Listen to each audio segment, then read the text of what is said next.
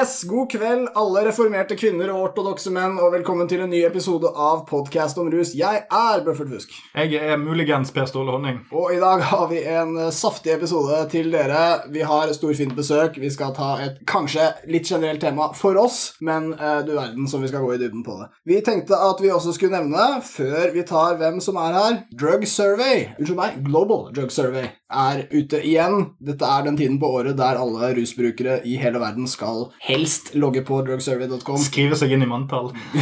det er det det er. Og husk å ha med Global. Jeg glemmer det hele tida nå. Men det er globaldrugsurvey.com, og der er det Det tar rundt et kvarter å fylle ut dette her. Det er en av de beste datainnsamlingene for eh, ruskultur i hele verden, og gir et veldig fint samlet globalt bilde. Please, bidra. Shout-out til Hanna, som minnet meg på det. Yes, da var det gjort. Vi skal introdusere gjesten vår. Han har jo tatt seg fri fra sin eh, kompromissløse kamp for at flere mennesker skal aborteres. Yes! Ah, og vi elsker engasjementet som følger denne mannen. Vår gjest er Aksel Blånen Støri. Takk, takk, takk. Velkommen! Takk skal du ha. Fett. Så yes, og det vi hadde tenkt å diskutere i dag, er eh, reguleringsmodeller. Ja, for vi tenkte at Når vi har en så spenstig gjest, så er vi nødt til å ha tilsvarende spenstige temaer. Ja, nettopp. Men hva tenker du om temaet, Aksel? Nei, altså Det er nettopp noen ting som kan høres veldig kjedelig ut, som reguleringsmodeller, men uh, abortlovens paragraf 2c hører også kjedelig ut hvis ikke du går inn i substansen av det. Så min erfaring er at det er veldig mye som kan framstå på en måte litt kjedelig og abstrakt, men som leder deg til ganske mange spennende ting. Jævla. Ja, ja, ja, Ja, Jeg tenkte at det var greit å få vepsebolet sparket sånn eh, out of the gate her, og ikke vente til det måtte komme opp seinere når det kunne blitt litt pinlig. ja. Nei, men vet du hva, reguleringsmodeller er da så innmari spennende. Nå har vi akkurat vært gjennom en politisk prosess der KrF har solgt sin sjel til høyresiden. eh, For 30 men- sølvpenger og eller abortloven.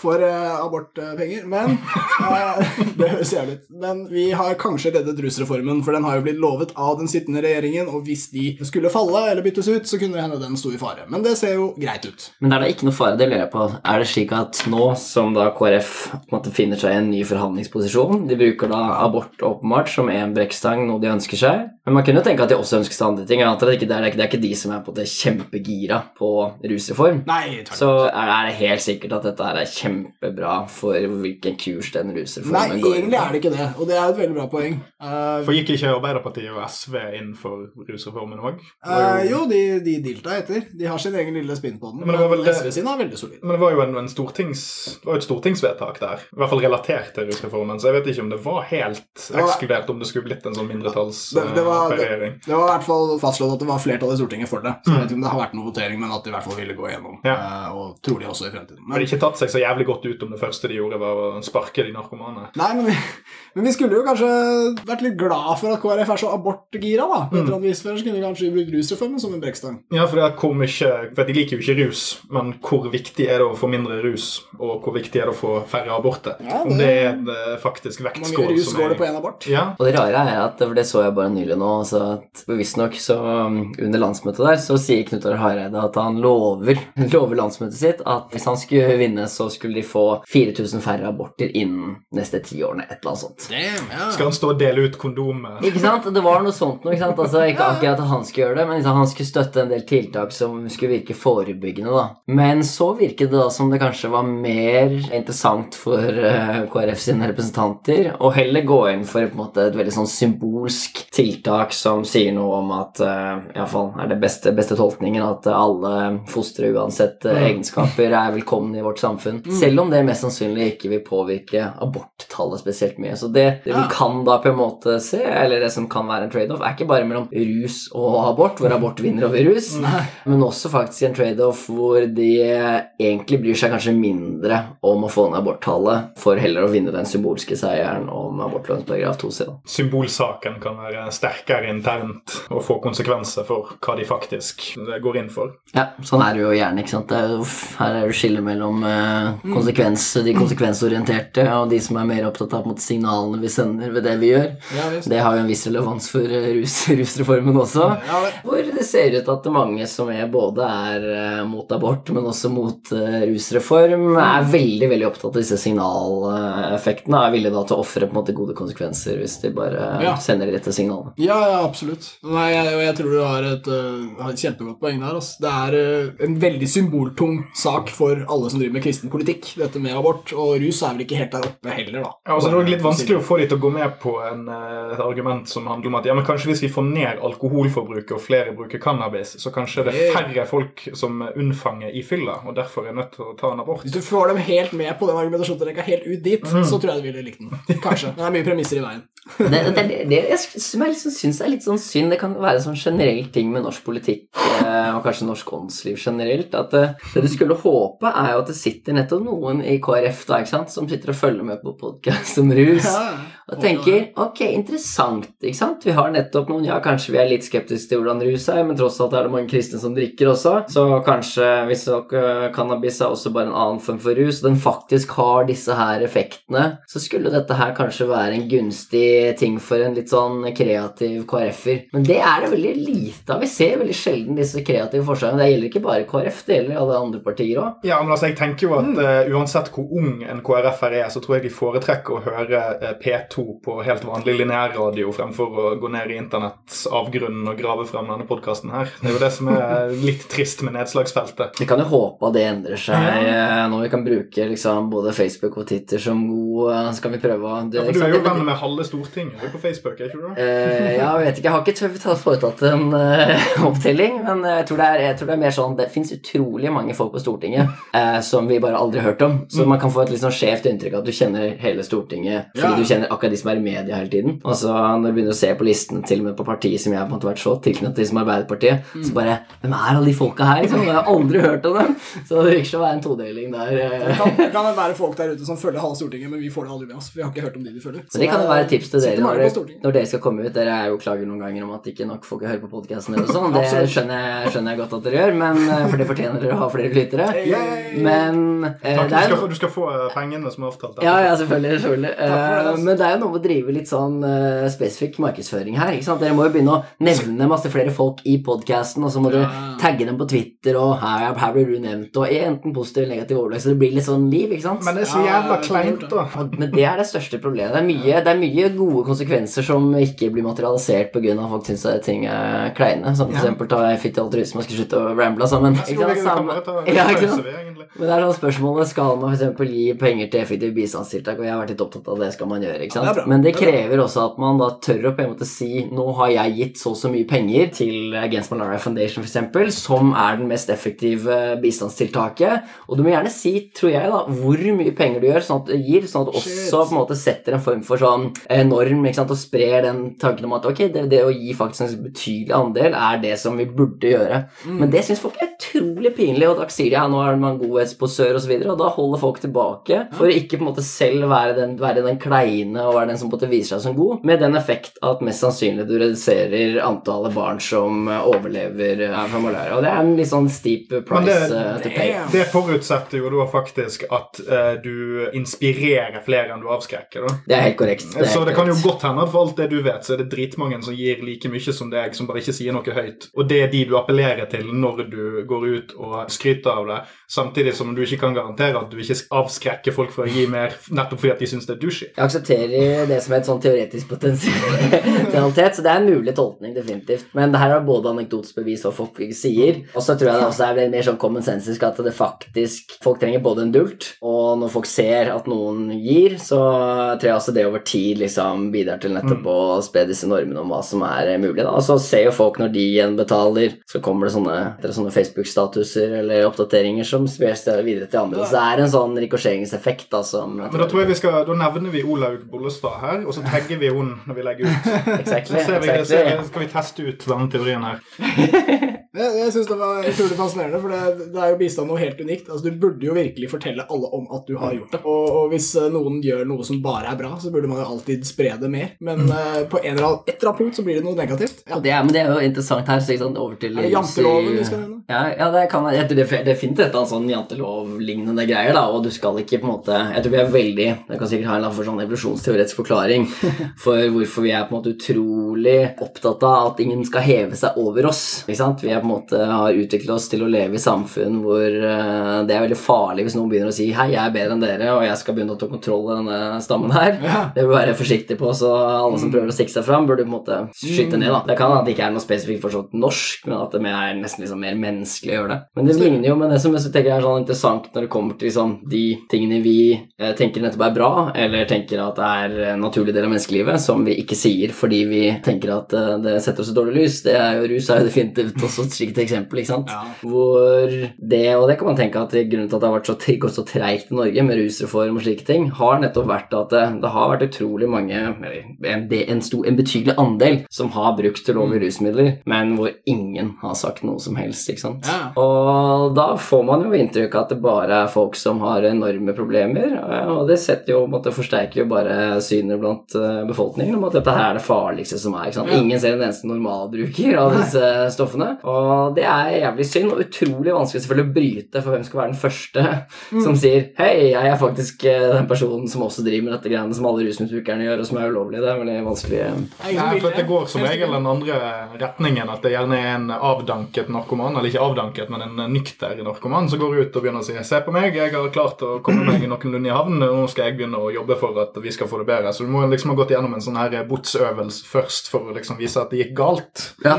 Og så må du gå tilbake, og da kan du fremdeles da stå og si at ja, jeg mener at folk burde få lov til å ta disse rusmidlene for å unngå at de blir sånn som meg. Ja, og i, i denne mekanismen når folk da ville eventuelt eh, Det kan jeg ikke huske har skjedd. Vi har kjendiser som har støttet det politisk, også Kristoffer Joner og sånt noe, som ikke fikk noe sånn veldig mye tilbake for det.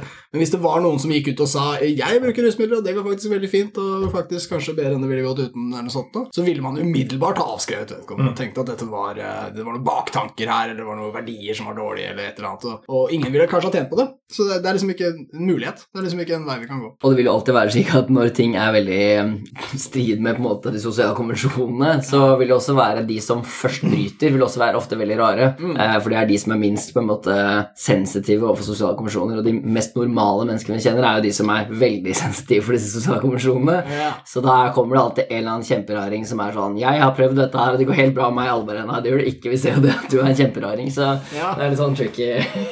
Men nå, når vi skal ha rusreform i Norge, så skal man jo basically prøve å gjøre noe som har vært galt, om til noe mindre galt. Det, vi, Eller mer legalt. med, ja, og, og dermed kommer kanskje moralen også i en liten sånn endringsposisjon. Men vi har jo ikke så bra kår for toleranse i Norge. Og når jeg sier det, så mener jeg at vi, Norge er et konformt samfunn. Og det kan høres ut som en klisjé, eh, men, men det det kan måles etter, er det som heter fasthet i kulturen. Altså hvor mye folk sanksjonerer hverandre for brudd på sosiale normer. er på en måte, Det plasserer Norge i en eh, tabell med andre land som ikke ligner så mye på oss, typ sånn Sør-Korea og, og noen afrikanske land og Saudi-Arabia og litt sånne ting, hvor folk må bare reagere. Toleranse er at du ser noe du ikke liker, og så velger du å ikke sanksjonere. Og det kan være et ondt blikk eller hva som helst, men, men nordmenn vi er ikke så rå på det. Så når vi da har en, en ny rusreform nå, så må vi på en måte prøve å få en toleranse for rusbruk, fordi det er, det, det er liksom kjernen av denne rusreformen. At den tingen skal ikke lenger være straffegrunnlag for å ja. Men vil vi få det til? Altså, er nordmenn enige om hva rusreformen burde føre til? Hva er målet vi prøver å få til her? Jeg tror det alle kan være enige om, er at det skal ikke være så mange slitne narkomane på Karl Johan. Og de burde ikke bli slått fysisk, noe sånt. er vi enige. Ja, Eh, kanskje. Det spørs hvor narkomane de er, og om kongen står på balkongen eller ikke. Så, så vi merker jo at det er den lette delen av debatten. Skal vi være kjempeslem med veldig syke folk? Nei, det skal vi ikke. Der er vi enige. Men da blir det vanskelige uh, hardsrøykende ungdom, da. Nei, men jeg syns det er veldig interessant det du sier, mens vi som kultur er på en måte veldig sånn Har disse faste normene at vi sanksjonerer hverandre. Og det forbindes jo ofte, iallfall blant de av oss som ønsker å leve frie liv og sånn, som en litt sånn ubehagelig, klam eh, greie. Men man kan jo også se at liksom, Norge er et veldig sånn velfungerende land, og det skyldes mindre på en måte de lovene vi har. Og vi slipper på en måte å ha drakonske lover fordi vi nettopp har en kultur som heller sanksjonerer det. Så er spørsmålet hva som er mest behagelig. Det kan være da en trade-off, tenker jeg, mellom en sånn Ok, ønsker vi virkelig et kulturelt skifte i retning av på en måte mer toleranse og for uh, mye rusbruk, eller burde vi på en måte prøve å opprettholde sosiale normer som sanksjonerer rusbruk, men slippe på det juridiske? Ja, for der er vi. Det er en stillingskrig. Men de to tingene informerer hverandre litt. da. De sosiale normene som er ok, ser jeg en 14-åring som røyker hasj, da Mm, må jeg mm. sanksjonere fordi at det er ikke bra. Så Ja. da må jeg enten sende inn en bekymringsmelding til politi eller skole eller foreldre eller et eller annet sånt. Mm. Og det der har jo forgreininger oppover i i hvordan vi strukturerer resten av ikke bare samfunnet, men bare ruskulturen vår. Ja. At vi bærer jo med oss det at ok, ting vi prøver å lære ungene våre å ikke gjøre, det er òg ting vi til en viss grad ikke skal gjøre som voksne. Mm. Så jeg vet ikke om det er mulig egentlig å fjerne den sosiale sanksjoneringen der uten å faktisk ta et sånt eh, helhetlig opprøsk i hvordan vi ser på ruskultur. Punktum. For jeg tror det er det som er den store utfordringen, og det som kommer til å mest sannsynlig påvirke rusreformen mest negativt, er det at vi snakker egentlig ikke om den biten. Vi snakker egentlig om det ut ifra et helseperspektiv. Det skal over fra justis til helse. Eh, men det er fremdeles en negativ sosial handling. Jeg tror, jeg tror jeg er langt på vei enig med deg i dette her, og, men jeg syns det er interessant likevel at det som har vært sånn, det som er den tradisjonelle tanken i sånn i liberal politisk filosofi som jeg har vært eh, opptatt av, som er på en måte den rådende, dominerende tanken om hvordan lovverket skal være, har jo vært at eh, ok, vi kan godt eh, mene at noe er umoralsk, eh, vi kan godt mene at det er ufint, at det ikke lever opp til disse idealene vi har om et godt menneske eller et godt samfunn, men tross alt vi må ha en viss respekt for at andre har andre meninger om hvordan de skal leve sine liv. Og dermed så er det på en måte i teorien iallfall forenlig å synes at å prøve å sanksjonere sosialt sett noen som driver med cannabis eller andre rusmidler, og jeg dette her er ikke bra, gå og snakke med dem og snakke med barna deres, altså være på en måte en sånn skikkelig sliten, slitsom nabokjerring, men likevel si at nei, men jeg skal ikke bruke statens voldsmonopol til å slå ned på um, deres uh, bruk, da. Og det, de har fått, nettopp i teorien er for forenlig å ha en sånn stor støtte, da, men jeg kan hende at du har rett likevel at det er vanskelig i Norge å få til dette skiftet, fordi vi ikke egentlig er så opptatt av dette liberale skillet. Ja, vi har ikke hatt den debatten, rett og slett. Nei. Nei, veldig liten grad. Og det er jo også en greie i Norge at vi altså Gang på gang så har jo politikere gjentatt, til og med KrF har sagt at straffeloven skal ikke ha en oppdragende funksjon, men den skal likevel være normdannende, da, på et eller annet vis. Og vi, siden vi har såpass mye fellesskapstenkning og såpass mye identitet med hva Norge er, og sånne ting, så, så blir det lett til at man bruker straffeloven som en slags sånn moralsk rettesnor. Som den egentlig ikke skal brukes. Altså, Du skal liksom ikke slå opp i straffeloven for å sjekke hva du kan gjøre den dagen. Det er ikke det den er til for. Men siden man bruker da straffeloven som en rett, moralsk rettesnor, så blir det da kanskje vanskeligere når man gjør noe lovlig. altså, Da blir det veldig vanskelig å si om det er etisk greit, fordi den jobben var på en måte gjort av loven. Så tar du den bort, og så er det sånn Oi, nå må vi begynne på scratch. Er hasj egentlig greit? Men det er jo litt viktig der å Jeg tror en måte det er mange som sikkert tenker sånn. Det er derfor mange også er redd for å slippe opp. Ja. For de tenker at eh, ok, så lenge vi har et eh, forbud, så forteller vi folk eh, ok, dette her er ikke bra. Ikke? Vi prøver å sende signaler Ja. gjennom straffeloven. Og det er jo egentlig som du sier, ganske sjeldent. Det er ikke på så mange andre områder hvor vi bruker straffeloven til det formålet. Nei, Så vi har jo mange andre deler, sånn som f.eks. med alkohol. Så har vi jo ikke sant? Vi har avgifter, og vi prøver å ha noen informasjonskampanjer, vi har aldersgrenser, vi har et vinmonopol, og Helsedirektoratet som sikkert spyr ut propaganda om eh, hvordan vi bør drikke og ikke drikke. Så vi har jo mange virkemidler som samfunn og gjennom myndighetene som ikke nødvendigvis eh, har å gjøre med straffeloven. Og det tror jeg er liksom viktig at Mm. dere er selvfølgelig mer enn klar over det, men det tror jeg vi må liksom si hele tiden, fordi det er nettopp eh, det folk ikke helt forstår, at vi kanskje egentlig har sterkere og mer presise virkemidler Mm. hvis vi tar i bruk en regulering av disse rusmidlene, framfor å prøve å forby det og slå da liksom på dette problemet med en jævlig stor og upresis hammer. da. Ja, ja, ja. Ja, for det er jo NNPF-argumentet er jo det at hvis du fjerner straffeloven fra dette her, så har ikke de like gode virkemidler å ta i bruk for å nettopp få ballen til å rulle med Ja. problemungdom og sånt. Og det er jo det der med hammer og spiker. eh, Ja, og da, men da snakker de alltid om politiet. Det er, liksom, det er politiets verktøykasse som, som mangler verktøy etterpå. De snakker aldri om samfunnet. De snakker aldri om befolkningen. De snakker bare om eh, politiet. Det er veldig egeninteresse. Jeg kan jo skjønne at det er vanskelig hvis du er politi, da. Så det Ja. sånn her, så sitter du på en måte Du ser altså For det første så er det jo vanskelig på en måte å måle effekten av det man selv gjør, siden man ikke Ja. har sin egen liksom, kontrollgruppe. Så man bare gjør jo det man gjør, og så ser du noen effekter. Mm. Så vet ikke om dette ville løst seg på en annen vis hvis ikke du var der. Eh, og så er det selvfølgelig lett å bare ha sånn kognitiv dissonans at eh, jeg har gjort dette her i så mange år, så det betyr jo at det må jo funke, ellers har jeg kastet bort hele mitt liv. ikke sant? narkoen vekk fra gata. Men det er jo et eller annet sånn der um, er sånn synd at nettopp politiet får lov til å liksom drive på her. Eh, jeg skjønner at de på en måte nettopp tenker at dette her funker, for det syns nesten alle som driver med et eller annet. De syns at det funker. Men noen ganger så er det jo lurt å nettopp frata noen et virkemiddel, eh, fordi det gjør at du tvinger dem til å bli mer kreative. Og det er sånn Å ja, kanskje du fins andre måter å hjelpe 16-åringer eh, på som prøver cannabis. Det kan hende at det er bedre ting enn å true med straff og tvinge dem til behandling, eller hva det skal være. Slå inn døra deres. Ja, og nå, altså, nå nevnte vi NNPF også, og det er jo Norsk Narkopolitiforening, selvfølgelig, og de har jo nylig nylig også gått ut og sagt at nei, vi har jo vært for uh, avkriminalisering hele tida, vi. Helt siden kan- klokken halv tre i Du må forrige bare uke. vente litt til den snur, og så har du snudd. Og så har du gjort det hele tida. Men nå er de der, da. Og når de argumenterer for dette her, så er det aldri den hasjrøykende ungdommen som skal få myket opp lovverket. Det er alltid veldig fokus på de slitne brukerne, og NNPF er enig i at nei, vi skal jo ikke piske og skade de stakkars syke. Det har vi på en måte alltid ment. Men i den uh, rusreformen som er skissert, og i debatten som har fulgt den, så har vi jo sett at det har vært snakk om uh, at syke mennesker, de er de som skal få slippe. Og så er det veldig vanskelig å si hva som skjer med den hasjrøykende ungdommen, om de skal få bot eller ikke, og hva som rammer de.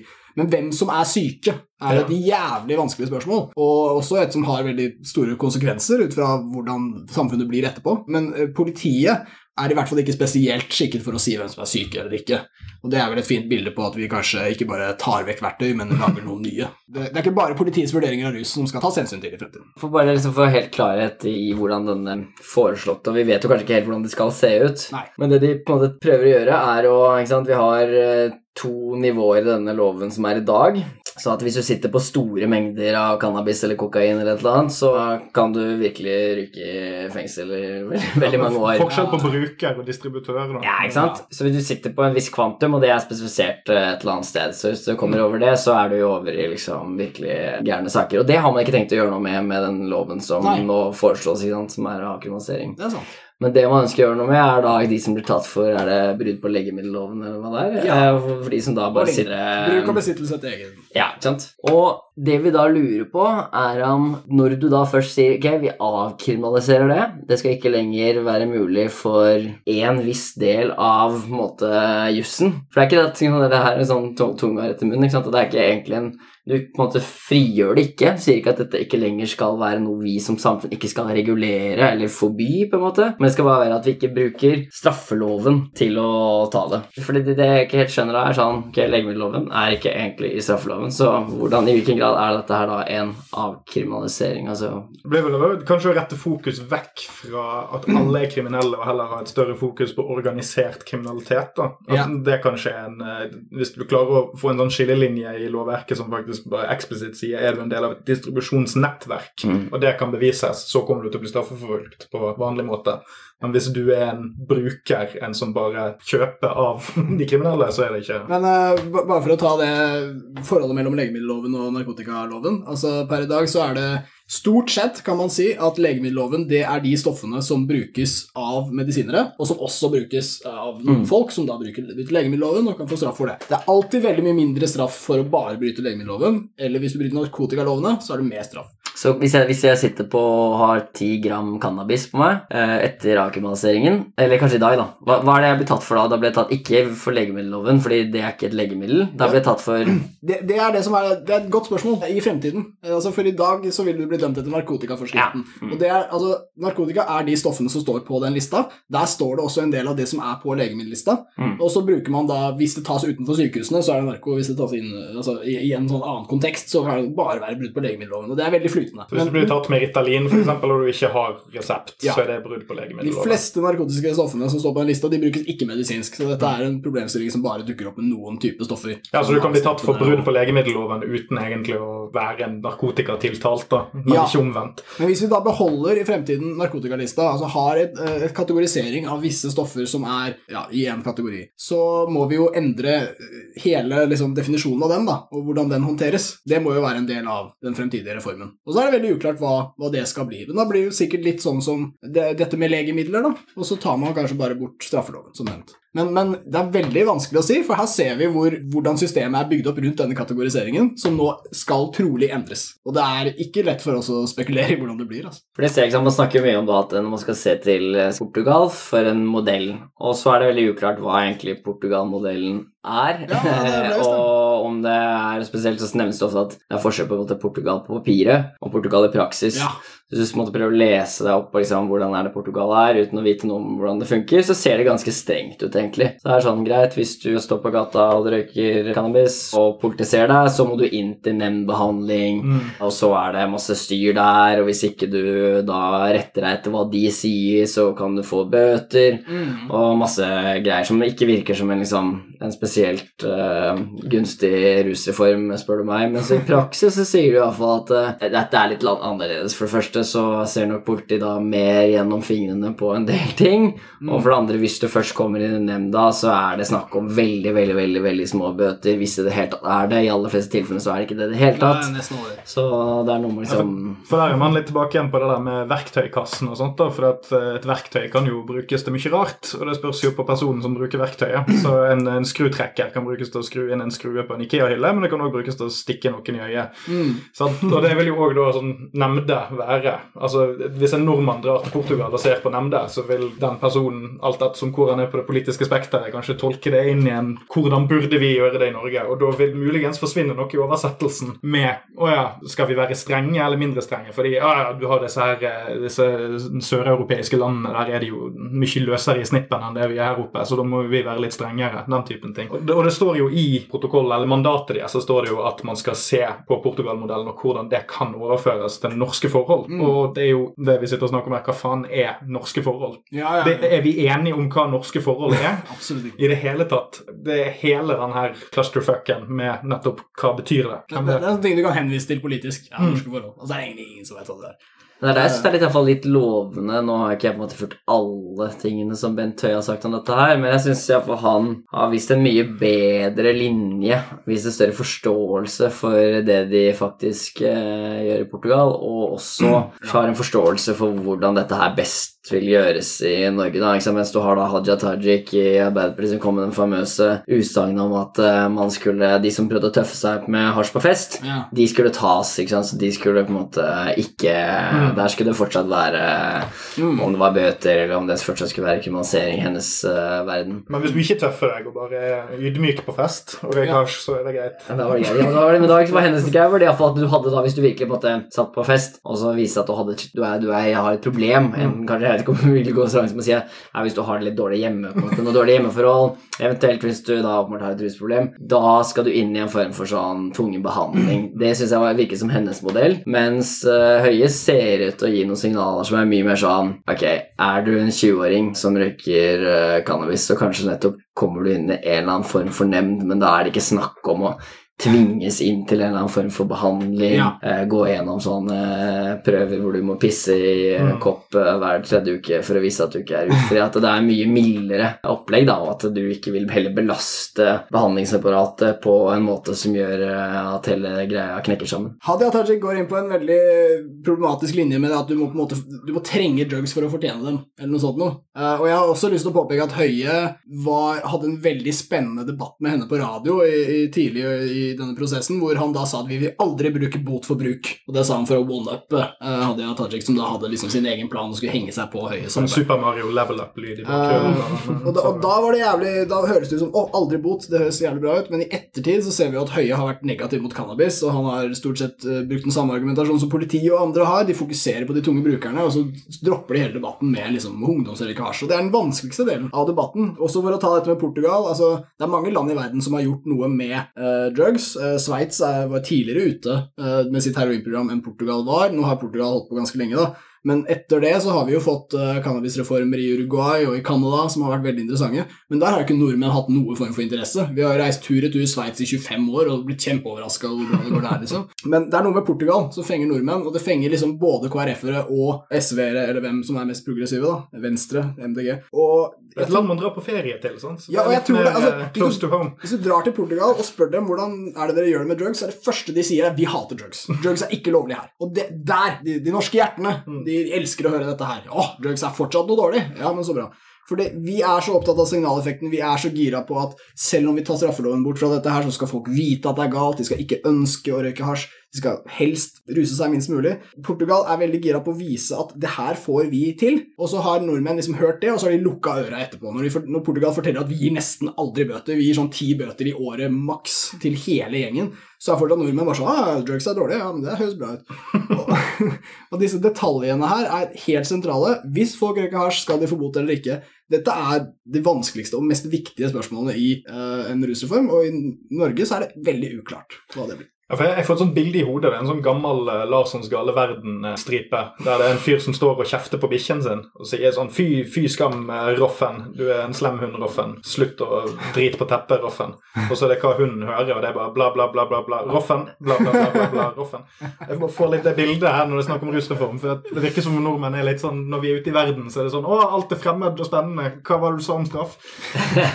Men nordmenn ville umiddelbart knytta det til å få rusforbruket ned. Det er veldig lite gira på Portugal. Det driter de i. Jeg tror det er der eh, kjernen av liksom, oversettelsesproblemet ligger. Da. Altså, Ja, ja, ja, ja. Jeg tror det er der norske forhold ligger. At vi alltid har med oss mer i bagasjen når vi drar på tur. Jeg prøvde, for, jeg, jeg prøvde å forstå det ut fra at liksom KrF sa at de elsket Portugal da de dro dit på rusreform-læretur. Bare sånn, ja, dette var bra. Masse, masse fine kirker i Portugal. alle nordmenn elsker Portugal. Ja, men er ikke dette litt sånn Jeg tror det er en del, det er en del sånn retorikkanalyse som inne det. Ja. Både ikke sant, eh, de som er på en måte i, um, i førstelinja for eh, en rusreform, som da Bent Høie og Høyre, de må De føler iallfall veldig at de må berolige sine mer konservative velgere ved å være veldig nøye på at de er imot legalisering. Og jeg tror nok Bent Høie er jo en konservativ mann, ingen tvil om det, så det kan godt han deler den sympatien, på en måte, men det, er i hvert fall, det blir viktig retorisk for dem å si det. Og det kan vi på en måte tenke sånn Ok, det er på en måte noe dere må gjøre nå. Det er litt synd, fordi det på en måte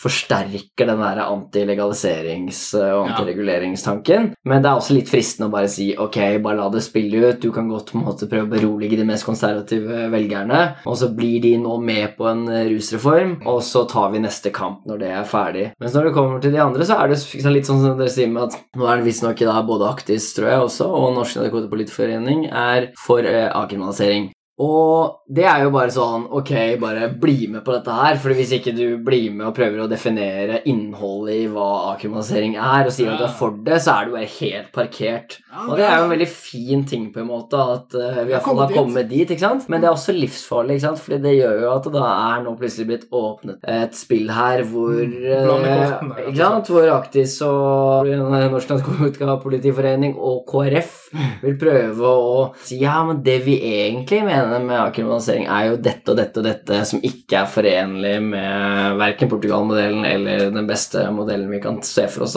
Absolutt. Jeg må, jeg må bare si høydepunktet der var eh, hun ene fra Aktis som altså først skrev Altså, jeg sier hun ene, det er et team. eh, som, som først skrev avkriminalisering, hva er det? Og så skrev de at nei, det trenger ikke å bety at drugs blir greit, og nei, egentlig er det fint, og det er masse rom for å fortsette som før innenfor en avkriminalisering. Og så fikk den mye oppmerksomhet, og så var det litt vetydighet, og da måtte hun det var, Altså, jeg sier hun fordi det var signert med en kvinnelig forfatter, men da Pernille Huseby, mener jeg. Og da, det de skrev etterpå da, det var at eh, Og piken var for meg at det var snakk om bøter som var ikke-straff. Altså, det, det skulle være en slags helsebot. En slags, selv om vi har flyttet rus fra just til helse, så kan du fortsatt få en eller annen litt sånn motiverende sunnhetsbot eh, hvis du røyker hasj på veldig feil måte. Skal det stå liksom er vernepleiere ute på gaten og dele ut bøter til folk, da? Eller hvordan er det det skal fungere? I praksis høres det veldig vanskelig ut, men da har du liksom det, det det mellompunktet mellom lovlige drugs og straff. Er liksom, der har de lagd det. Ja, for Hvis du begynner å blande ting sammen der, at det er sånn at du faktisk kan få en bot fordi at nå du forgreper deg mot folkehelsen på et eller annet slags vis, så har du jo virkelig åpnet en can of worms. Altså, Da må jo sykelig overvektige òg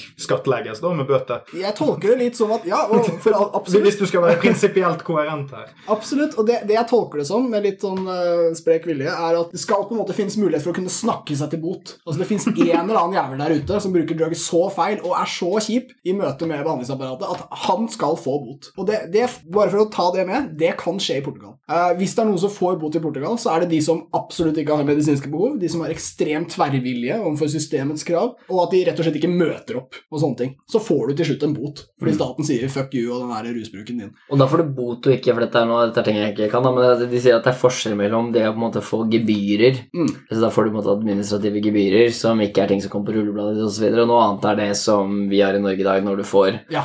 Bøter. Men så i dette tilfellet i Portugal, så hvis du er skikkelig skikkelig vrang, så får du da ikke bare gebyrer, men du får også bot. Jeg er usikker på om det er gebyr, altså om det er innenfor administrativet. Det kan hende det er. Ja. Men, men det, det er da du må betale, og så vidt jeg husker, så var argumentasjonen fra portugiserne at det stort sett ikke er motiverende for et menneske å få en bot, men for de folka helt i enden, når de har prøvd alt Til slutt så vet du hva, han der han burde få bot. Da, da lærer han. Så, så de har liksom ikke gitt opp bot, Nei. de bare har plassert den helt i enden. Det minner, det minner litt om Jordan Peterson, som skriver den der 12 Rules for Life. Og så skriver han jo om barneoppdragelse. Og da Du vet at Hvis du nevner Jordan Peterson to ganger på internett, så kommer det en horde med folk og forteller deg hvordan du har feiltolket den. Sånn. Ja, ja, selvfølgelig, men dette, så dette er for å på en måte booste podkasten. Altså, Ja, ja, ja, vi har et eget uh, Jordan Peterson-innslag.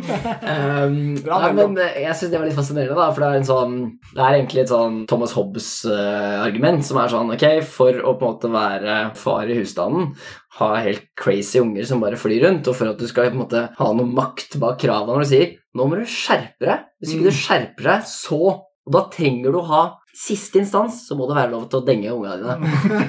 Og jeg ble liksom sånn sjarmert av det argumentet. Um, Ja, for Det henger jo litt på greip. da, for Selv om du aldri kommer til å denge ungene dine, så for en unge, selv om du aldri blir slått, så er det jo det at du vet til at til enhver tid så kan faren din ta ting Ja. fra deg. ikke sant? Ja. Og når han har tatt alt fra deg, hva er det som står igjen da? Exactly. Selv om han aldri har sagt det høyt. Ja, ikke sant? Så det Mm, er jo er ikke nødvendigvis feil. Nei, ikke sant? Så det er jo litt det samme her. Da, at det, så du trenger kanskje det er det som er spørsmålet, trenger du i siste instans en eller annen ris bak speilet for å på en måte med de som virkelig trenger det. Nei, Det er den er sterkestes rett. Ja, og jeg er, ikke sikker, jeg er ikke sikker på om du har tvunget fram en konflikt på den måten med de samfunnets mest tverre mennesker. At da, hvis du begynner med liksom tung eh, statsmakt, at de da liksom kurs... Jeg tror ikke det er nødvendigvis er tilfellet, at det bare blir enda verre. Det er jo veldig mye forskning som viser det at unge som faktisk blir utsatt for den fysiske realiteten riset bak speilet, ikke nødvendigvis begynner å oppføre seg sånn som den som håndterer riset, vil. Det kan, det, men det kan, være, det kan være en spuriøs effekt, som er det at det er genene som eh, både sant, foreldre som slår, får barn som også utøver vold osv., eller får dårligere psykisk helse, eller hva det skal være, men at det egentlig ikke skyldes slåingen, men det bare skylder de felles genene som de deler. Det er mulig en Det er heftig, altså. Men uh, jeg vil referere... husker at det var spuriøst inni der. ja, det, Det er det jeg velger å ta med meg derifra. Ja, det, da er det selvfølgelig greit. Siden den ris bak speilet-problemstillingen er så sentral i den rusreformen vi skal få, så kanskje vi kunne tatt med Espen Skjonning, eller Skånning, eh, som er professor i dette burde jeg huske, idéhistorie ved, ved universitetet. Han, mange år siden så hadde han en eh, forside fordi han tok til orde for å gjeninnføre gapestokken. Eh, og dette ble jo selvfølgelig tatt opp, altså, folk ble veldig sure for det. Men det han prøvde å si, det var at det, det straffesystemet vi har i dag, det er et umoralsk straffesystem. Det, gjen, det gjenspeiler ikke det folket ønsker at det skal være. Folk har en veldig sånn hevnbalanseringstankegang bak hvordan straff skal funke. Og det straffesystemet vi har, det er noe helt annet, mener Skjåning. Så han syns gapestokk, gjeninnfør det. Eh, da ville folk følt at det var mye mer riktig, det som skjedde med straff. Og da tenkte jeg kunne være en del av liksom, den nye rusreformen. I og med at vi er så veldig usikre på hva de burde få, disse hasjrøykerne som egentlig ikke trenger det, og sånne ting. Bare sånn kortere gapestokken. Noe sånt noe. En sånn kort tid. Kort tid. Fleksibel straff. Jeg tror jeg kunne gått med på det dersom vi kunne fått et representativt utvalg av både stortingsrepresentanter og rikspolitikere som da måtte gå i gapestokken først, før menigmann Ja, det måtte kan fort bli en fattig folk. Ja, altså, jeg, jeg, jeg tenker at Masi Keshvari i hvert fall måtte stått der en ukes tid det hadde jo vært før, veldig passende. før liksom Det, han har gjort noe jævlig ille som ikke er så ille. på en måte. Altså, det Mm. passer veldig bra. Jeg er helt eh, Jeg liker dette her, egentlig. Det er, eh, det er jo overraskende hvor vi er ganske komfortable med å putte folk i fengsel i tre-fire år, mens det å enten putte folk i gapestokk eller å piske dem, eller hva det skal være, det er helt barbarisk. vi kalme. Og det er litt sånn merkelig, og vi har selvfølgelig vært flinke i Norge på å si at ja, det er egentlig ikke straff i det hele tatt vi driver med, det er en form for rehabilitering gjennom Mm. fengsel. Og faktisk en del studier tyder på, sånn en som heter Katrine Løken på Handelshøyskolen, som finner at uh, fengsel faktisk virker bedre. Ikke sant? For de har noen som da kommer akkurat inn, inn i fengsel, og så er det noen som har akkurat iallfall ca. samme eh, handling, som blir sånn for sånn fotlenke. Og da gjør de som har kommet i fengselet, bedre enn de, så de kommer liksom bli mer rehabilitert og, Ja, og sånn. Og det er jo veldig Så der er det noen fordeler, men Men klart da er det lavterskellovbrudd, på en måte. det er det, det er nok, for det er de som kvalifiserer for sånn fotlenke, så det er ikke de verste tingene. Ja, så når du en gang begynner å komme opp på drap og sånn, kunne det kanskje vært omvendt. Det kan nok eh, godt hende. Hvis du blir sittende for lenge, så kan det hende at du mister helt kontakt med virkeligheten. Så Det er kanskje derfor nordmenn er så ivrige på å ha straff for rusbrukere, for straff er jo egentlig ikke straff, det er jo egentlig bare rehabilitering. Så vi vil jo bare putte alle junkiene i fengsel, for der har de det jo bedre. Da får de det finere etterpå. Ja, og iallfall så er det der som jeg syns er det beste argumentet, da. Altså, jeg lurte litt på det her, hva er det som er egentlig liksom de gode argumentene for å forby rusmidler? Hvorfor ikke regulere det sånn som vi gjør med alkohol? Eh, og jeg har alltid tenkt sånn, ikke alltid tenkt sånn helt åpenbart, men eh, så lenge en måte, jeg har gått ordentlig inn i den materien, så har jeg kommet til at ok, den fornuftige sosialdemokratiske løsningen er jo nettopp på at staten eh, kommer inn, tar kontroll over produksjonen ikke sant, og distribusjonen av dette her, eh, og så kan du til å bruke som vi var inne på, ikke sant? alle disse virkemidlene som vi har til rådighet i dag for alkohol, det kan vi gjøre for de andre rusmidlene. Men så er det ikke sant, mange som er veldig opptatt av både da, selvfølgelig Kristen-Norge, men også i eh, det sosialdemokratiske Norge spesielt, som er veldig opptatt av de svakeste. Men så er det sånn, men de svakeste har det jo jævlig kjipt eh, under dagens regime. Så det kan jo ikke være hensyn til dem. For de hadde jo hatt det bedre hvis de tross alt kunne gjort som alkoholikeren. Altså, jeg knåler til å være alkoholiker, men det er iallfall bedre at du kan sette deg på en pub og drikke, og ikke liksom Mm. må gå og kjøpe et eller annet av en annen kriminell For fyr. oss, ja. For å Ja, ikke sant, for razzia og alt det grann der. Så det virker på en måte ikke som det er gunstig for dem. Men det som ser ut til å være det man tenker, er at det ligger noen som kunne havna på kjøret, som ikke er da de aller svakeste, men som er de nest svakeste, som da holder seg unna fordi det nettopp skremselspropaganda til en viss grad fungerer. da. Og de hadde ikke takla rusen, og de slipper i dag, og det er de vi redder. Og da er det verdt å både kjøre de aller svakeste i eh, bånn enda mer, eh, også selvfølgelig forhindre mer vanlige folk som ikke hadde hatt problemer med disse rusmidlene, fra å enten ha det ålreit eller å slippe å være kriminelle. Så blir en del av de i bunnen, de er fucked uansett. De er, ikke sant, så Man kunne lage en sånn der, eh, per- persentilgreie. sånn delt opp eh, Norge liksom 10 eh, på bunnen og så 10% over der. Og, sånn. Så tror jeg da at det er kanskje Vil man si at det ikke er 10% da kanskje det er 5% som er helt på bunnen der, som er sånn de som da virkelig sliter. Og så har du da en 5 over der igjen, som er de man prøver å redde. Og så 90 har det bare litt mildt ubehagelig med dagens uh, reform, fordi de fleste kan på en måte, hvis de absolutt skal få tak i noen rusmidler, så går de an uten at du får politi på døra. Så det er en sånn der, eh, veldig trade-off for da åpenbart denne 5 %-gruppen som kunne ha kunne gått gårdene gærent med, da, som vi prøver å redde i dag. Men ikke det, bare for, bare for, kan jeg skippe over noen av poengene dine, der, men bare for å trekke det litt tilbake til dette med når du nevnte i sted med f.eks. at folk driver og hestehandler litt nå for å komme inn i rusreformdebatten. At man uh, istedenfor å kaste hele det politiske bagasjen sin på, på båten når vi skal inn her, så bare setter man litt ting til side, og så tar man den neste fighten når, når den kommer. Eh, og jeg lurer på om det kanskje også er det som gjør at en statlig løsning nesten ikke er mulig oppi dette her i den debattsfæren vi har. Nettopp pga. at folk bare setter liksom prinsippene sine litt på vent for å komme inn, sånn som Aktis gjør, NMPF og KrF til en viss grad. sånn. Som, som da gjør f.eks. det der med at man kan ha en helt klinisk fremstilling av hvor mye mindre smerte det ville blitt påført de svakeste, eksempel, som er nesten objektivt moralsk og mer etisk enn det vi gjør i dag, og det vi vil gjøre med liksom de politiske prinsippene vi, vi kjører hardt på. da. Men at siden politikk er 70% posering over egne prinsipper, så gjør det at vi kanskje ikke kan komme dit, fordi at vi har ikke en debatt som handler om hva er rus, hva er det det gjør med den menneskelige opplevelsen, hva er det med Det ja, hva, er det vi skal verne om her? Er det samfunnets moralske eh, prinsipper, eller er det at enkeltindivider ikke skal måtte gå til grunne fordi at de har en impuls?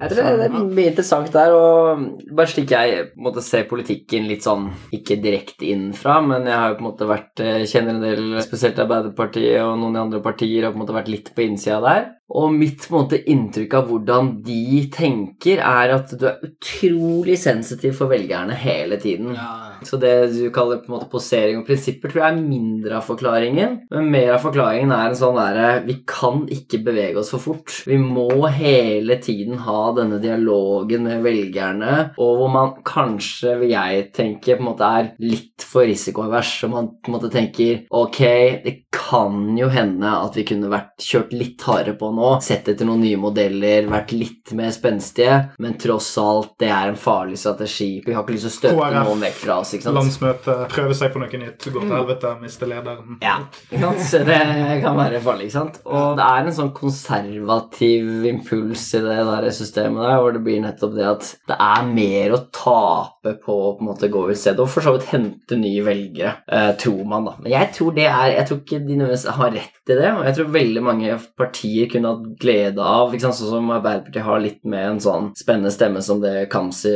Gunaratnam er, ikke sant, som var ordføreren i Oslo, som eh, var på forsida av eh, Klassekampen og stort sett i VG og sånn, hvor hun går ut og sier at hun er for legalisering av eh, cannabis. Det er klart, det er upopulært i Arbeiderpartiet, eh, men jeg har veldig tro på at et parti kan ha flere sånne stemmer som utvider rommet, og hvor også jeg tenker det sitter jo en hel del folk som sitter i sofaen og bare tenker ingen partier representerer meg. Og så er på en måte Miljøpartiet De Grønne er delvis for en sånn statlig for eksperimentering med en statlig løsning. Men nå kan er du ikke ikke fly til. Amsterdam og ta en røykings i helgen, sant? Det er den avveiningen der. Det er ikke sant? Så det er noe med å gjøre på en måte de politiske partiene bredere enn vi tør å gjøre i dag. Jeg tror man der har en litt for sånn sentralisert tankegang. Her skal alle gå i samme på en måte rytme, marsjere framover. Tar visst debatten internt, og så har vi ikke noe spenn av meninger. Det tror jeg er ganske farlig for de partiene òg, så jeg er litt sånn synd. Jeg vil bare skyte inn at eh, hvis lytteren skulle være i tvil, så har riksadvokat eh, Tor Aksel Busch gått ut og sagt at det er lovlig for nordmenn å røyke hasj i Amsterdam. Men bare i Amsterdam. Ja, for all del. Herregud, det er nordmenn. Men jeg vil også ta altså, Nå syns jeg dette her har blitt jævlig bra. Det er en glede å ha deg som gjest, Aksel. Uh, vi skulle jo snakke om reguleringsmodeller. Det vi har gjort, er å snakke om det som ligger i bakgrunnen for dem. Og det syns jeg vi har gjort uh, knallbra. Men bare for å komme innom det, vi nærmer oss slutten. Jeg tenkte å sitere Altså, dette er jo Ole Røgeberg som har en veldig grundig kronikk om regulering av cannabis i, på forebygging.no.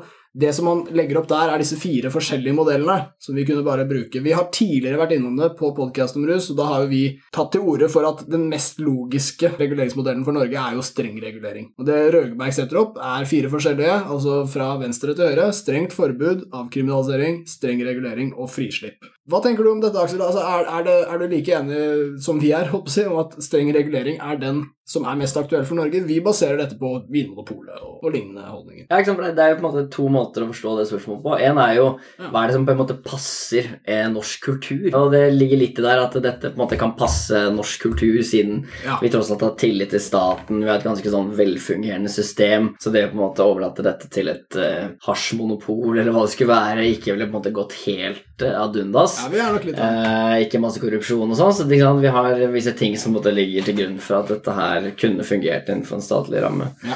Men et annet, en annen måte, måte å forstå det spørsmålet på er jo bare hva er rett og slett det ideelle systemet. Og det vil selvfølgelig dels avhengig av nettopp sånne ting som eh, kan vi stole på staten, eh, tror vi at de vil sette avgiftene på riktig nivå, eller vil de sette avgiftene så høyt at vi ikke greier å utkonkurrere det svarte markedet likevel. Yep. Så det er en del sånne forutsetninger som ligger der, men sånn. greier man å få til en god modell, og det har jeg veldig tro på at man kan gjøre i det norske systemet, så virker det helt, sånn helt åpenbart at en streng kall det, eh, regulering av eh, ikke bare cannabis, men andre stoffer også, er veien å gå. eh, Ikke sant? Og da tenker jeg at det viktigste, aller, aller viktigste er jo å prøve å på en måte slå beina under det svarte markedet, ikke sant? som ikke bare lager masse, masse problemer i Norge, men også lager masse problemer i andre land, og ikke sant? narkotikakarteller og alt det faenskapet de ja. fører med seg, ikke sant? Og også at det i Norge er sant? en lukrativ karrierevei for de aller svakeste av oss, ikke sant? Vei virkelig ut i kriminalitet, det må vi for all del på en måte prøve å unngå, og det er det jeg synes er litt sånn synd når debatten da, sant? ofte blir liksom stoppet opp i sånn avkriminalisering, så løser man jo veldig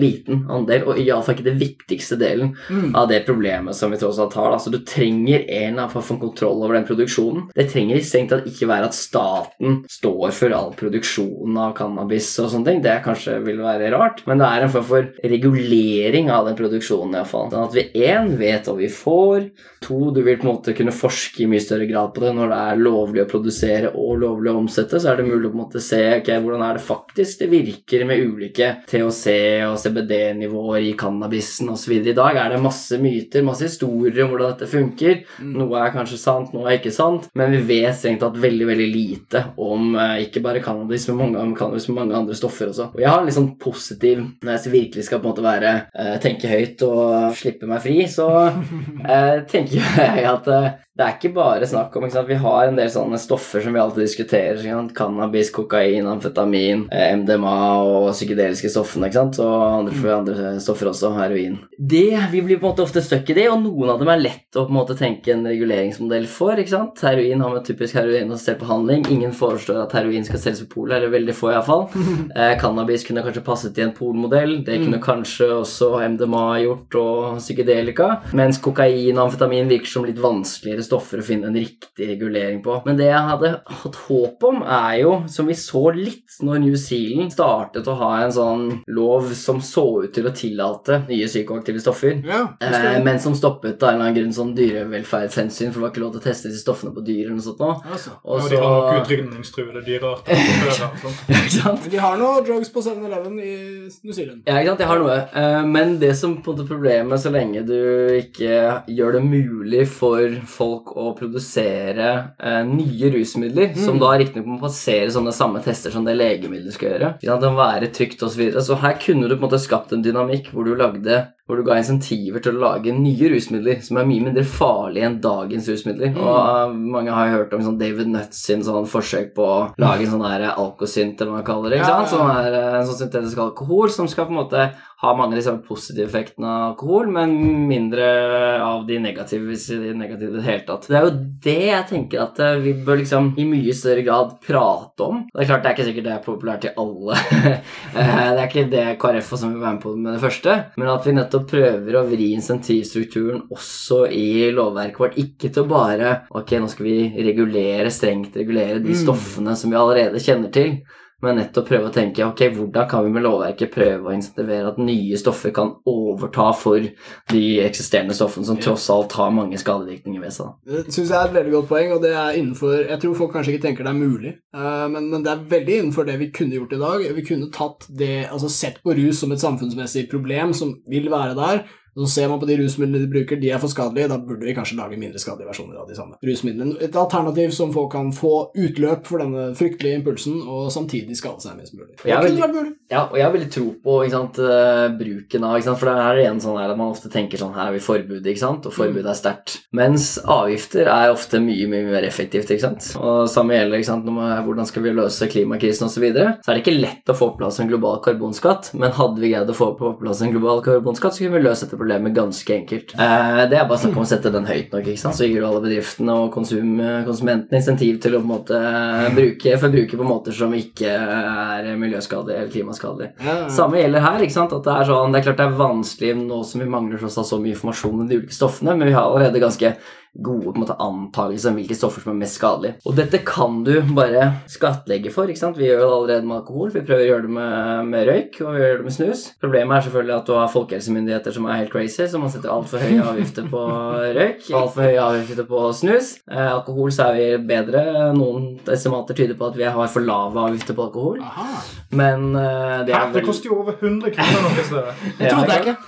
Nei, så det, Dette må vi få eh, Ole Røgberg på podkasten å snakke om, men, eh, men, ja, men det avhenger veldig av måte, hvilke land du henter disse estimatene fra, da, på hvor store alkoholskader det faktisk er. Men det er noen enorme alkoholskader, eh, eller skader som kommer av alkoholbruk, så iallfall noen av disse estimatene tyder på at vi er altfor alt for lave alkoholavgifter. Men så kan det begrenses av at da stikker bare folk til Sverige eller andre steder for å kjøpe, så det, på en måte, du begrenser av det. da. Mens når det kommer disse andre stoffene, så kunne vi sagt ok, greit, amfetamin er såpass farlig, eh, kokain er såpass farlig at vi har enormt høye avgifter på det. Og det, jo ikke bare, det er ikke bare det at da vil det være rasjonelt for en rusbruker å eh, rasjonere på de eh, stoffene som er dyrest. Men det sender jo også et veldig tydelig signal fra myndighetenes side at dette her er stoffer som er veldig farlige. Det er derfor de er så dyre. Så i dag er det på en måte litt vanskelig, for alkohol er det eneste rusmiddelet, eh, ordentlige rusmiddelet som er tilgjengelig. Men hvis man har flere rusmidler å spille på, så vil det avgiftsmønsteret kunne brukes mye mer til å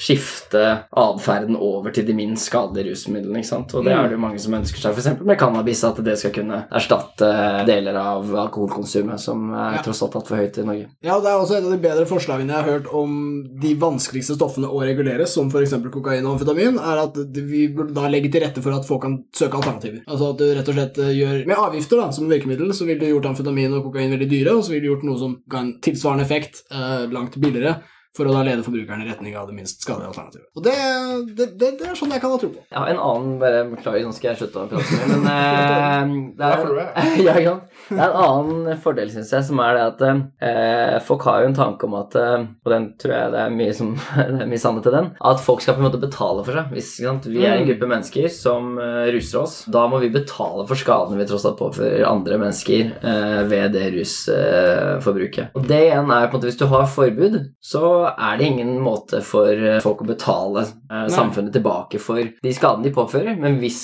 vi regulerer det og påfører avgifter som er i tråd med de det økonomene kaller de negative eksterne virkningene man påfører, altså ikke skadene vi påfører andre, Mm. så har vi da nettopp en måte for oss å gjøre opp for oss når vi tross alt eh, Men det krever jo òg at vi er enige om hva skader du påfører andre, som kanskje er nettopp kjernen av hva man krangler om her. da. At det ikke er en felles forståelse av hvor mye du skader andre med å ta deg en blås på fest, f.eks.